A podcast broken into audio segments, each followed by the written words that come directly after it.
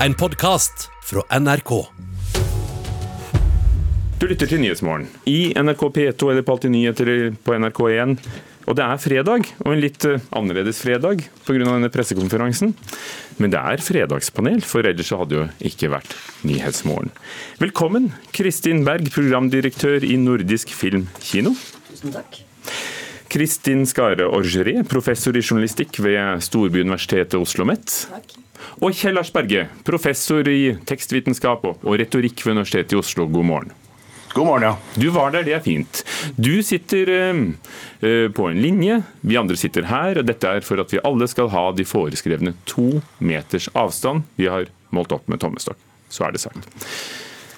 En ny undersøkelse fra Medietilsynet viser at nordmenn har høyest tillit til nyhetene fra NRK1 og TV 2 under koronavirusutbruddet. Samtidig faller tilliten til Facebook. Men altså de store, tradisjonelle mediene har holdt seg opp, og tilliten til VG er tilbake på, på gamle nivåer. Spørsmålet vi stiller, er det samme som paneldeltaker Kristin Skarå Geré tok opp i en kronikk i, i Dagsavisen denne uken, nemlig er mediene kritiske nok til myndighetenes vurderinger? Kjell Lars Berge. Ja, det syns jeg. Kristin Skaror-Juré. Ja.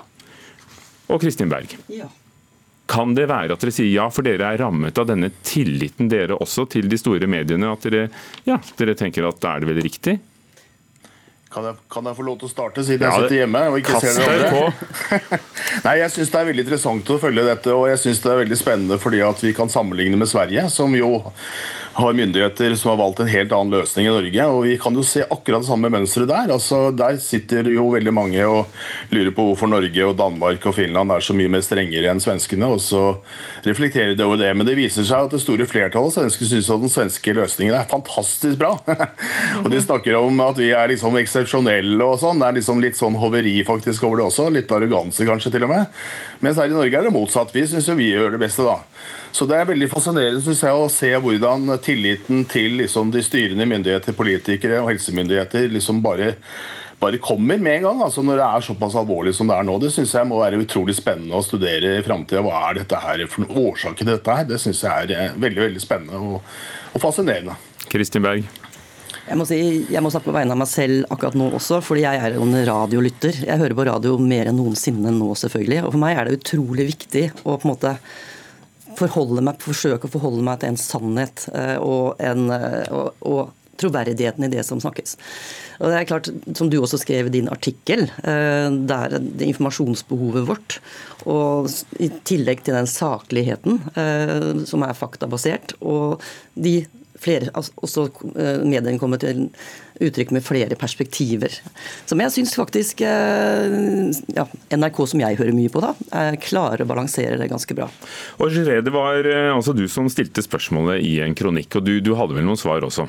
Jeg hadde noen svar. Jeg synes jo jeg er ganske imponert av norske medier. Jeg syns de har vært flinke. Flinke de redaktørstyrte mediene til å trekke inn forskjellige stemmer og perspektiver. Og så er det, som andre Kristin sier, man er sultne, tørste etter faktaopplysninger. Men så er jo noe av utfordringen her at alt er veldig uklart. Man vet ikke helt hva er den sannheten, og den endrer seg gjerne veldig raskt også, fra en dag til en annen. Så det som var eh, skikkelig alarmerende i går, er normalen i dag.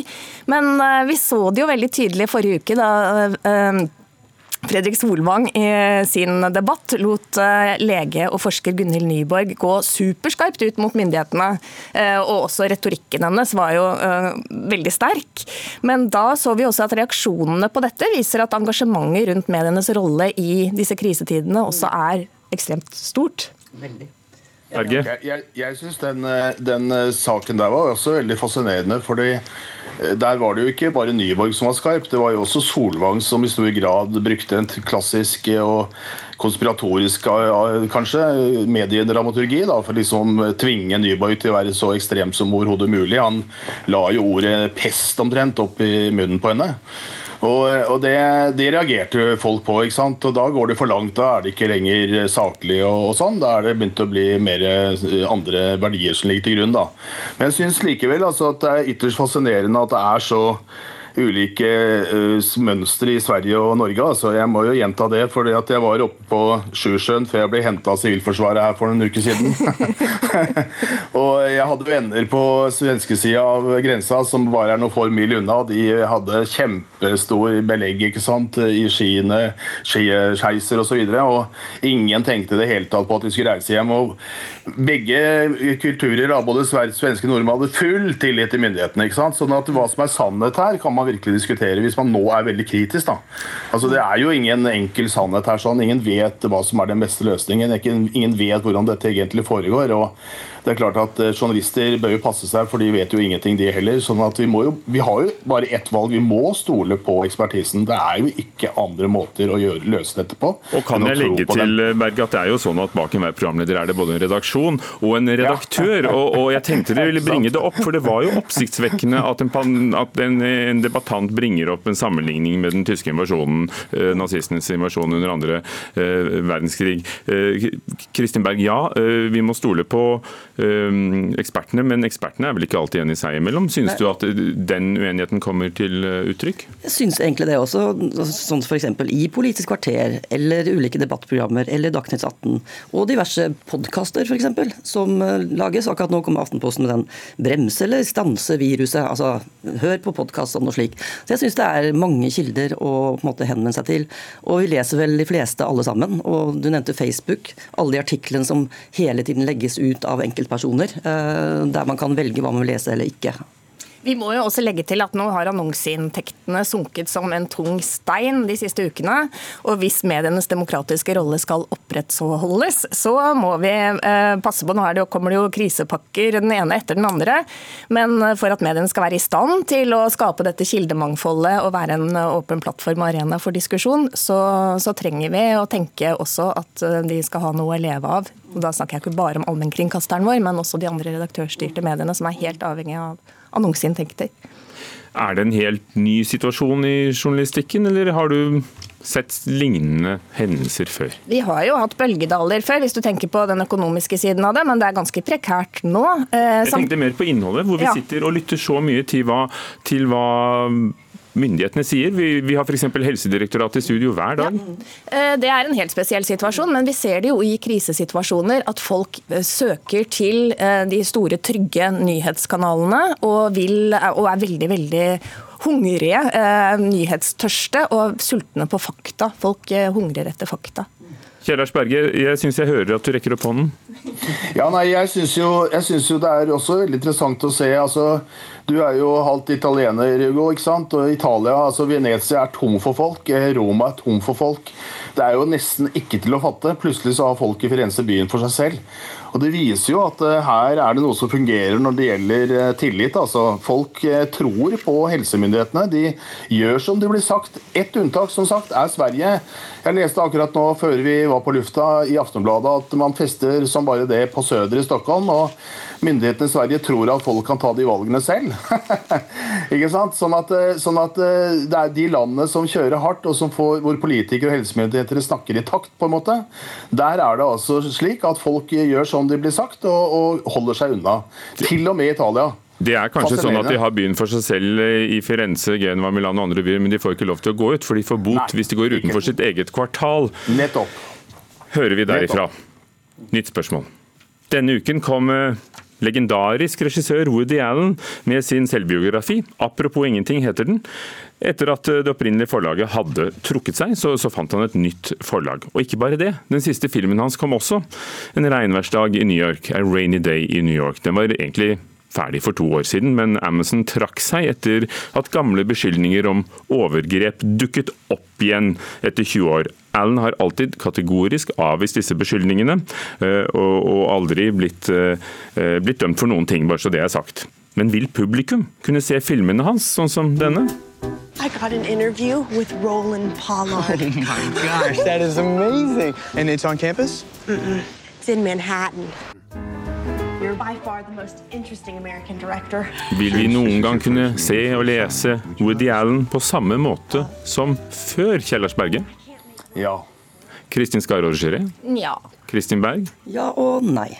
Og hvorfor nei for deg? For du har sikkert sett alle filmene hans. Ja, jeg har sett det meste. Men eh, jeg snakker ikke nødvendigvis om meg selv, men for de store folkemassene som allerede har dømt Woody Allen og gjort han skråsikkert til en eh, overgrep, overgrip, overgripsmann eh, på sin stedatter i sin tid. Så Det er ganske interessant å se hvordan eh, folket har faktisk dømt han. Eh, og det er jo ingen, ingen som vet hva som skjedde det, den gangen.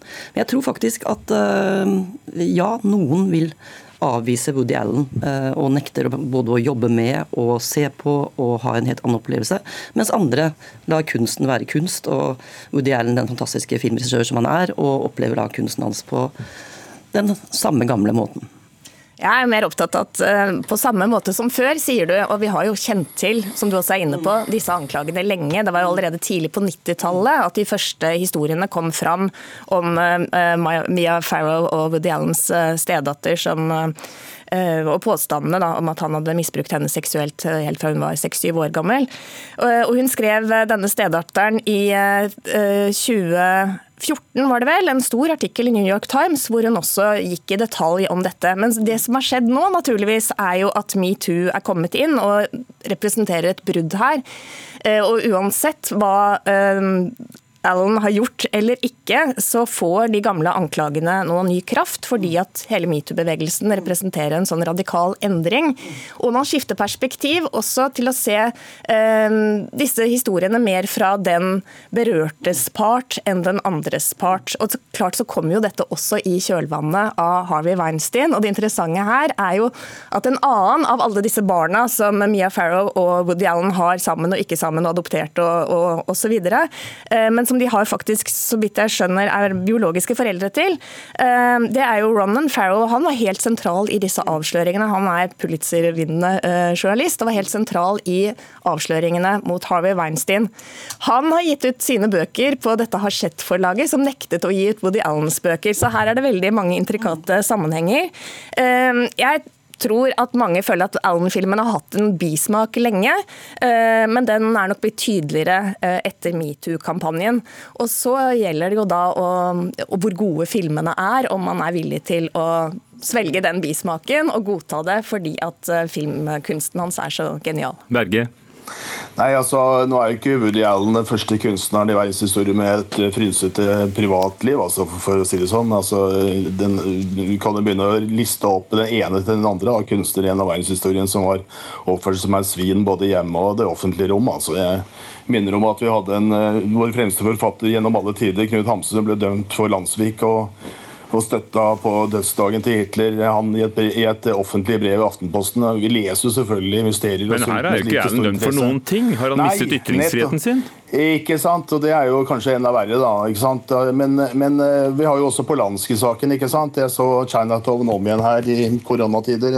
Det blir ikke noe dårligere film, selv om Polanski kanskje voldtok en jente som var 13 år i sin tid. Eller i hvert fall hadde samleie med henne. da. Men eh, det er klart at én ting er det privatrettslige, her, sånn, ikke sant? og det som dreier seg om eh, Woody Allen og hans familie. Sikkert eh, ille og problematisk, men det har jo ikke vært eh, rettssak ennå. Når det gjelder filmene, så, så er det noe helt annet. Eh, Man, man må kunne skille der, og det må man kunne gjøre når det gjelder verk i det hele tatt. Altså, Verkene er jo uavhengige av kunstneren, egentlig, Ja. og har en egenverdi. Det Kristin Berg. Ja. Du verker etter å få saken. Jeg vil bare si med Polanski-saken er jo selvfølgelig interessant, for det er kanskje verdens lengste metoo-sak fra 1977, der han faktisk ble arrestert for å ha dopet og voldtatt en jente. Men han har dro til Frankrike og har fått jobbe i ro og fred, ikke, kanskje ikke helt, men Inntil i, nå. Inntil nå. Nå har folket begynt å altså, Har du sett reagere. den siste filmen til Woody Allen, forresten? Vet du, Det fikk jeg ikke gjort. Det skal jeg gjøre. Vi har anmeldt den. Dere kan se anmeldelsen på våre sider. Et lite spørsmål. Jeg ber om en punchline fra hver av dere. Hytteforbudet har vært mye omdiskutert. Er dette hytteforbudet et slag i ansiktet på den norske selvfølelsen? Det er i hvert fall et slag i ansiktet på frihetsfølelsen vår. Ja, et slag i ansiktet på den norske selvfølelsen. Kjell Lars Berge, Eh, nei, det tror jeg ikke. hvordan eh, da, Juré?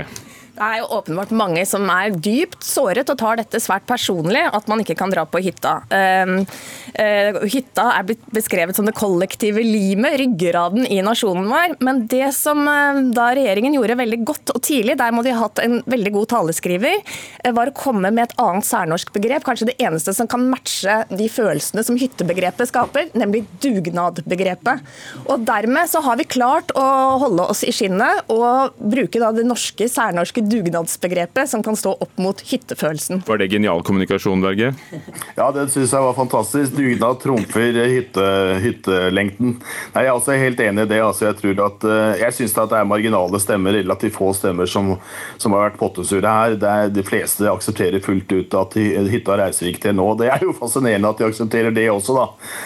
Så viktig som hytta. Ikke er for alle, for det er jo ikke alle nordmenn som er på hytta. Det er vel en, et segment av folket. Det er jo Eh, slett ikke universelt at alle nordmenn drar på hytta. Jeg tror de fleste drar til Gran Canaria, faktisk. Men eh, sånn er, sånn er nå den norske forståelsen av seg selv. Som ja, jeg synes det er også veldig morsomt Nå skal jeg avbryte deg. Jeg synes det er veldig morsomt knytt, at vi er så knytta til hytta, som en bok het som ble lansert nå også.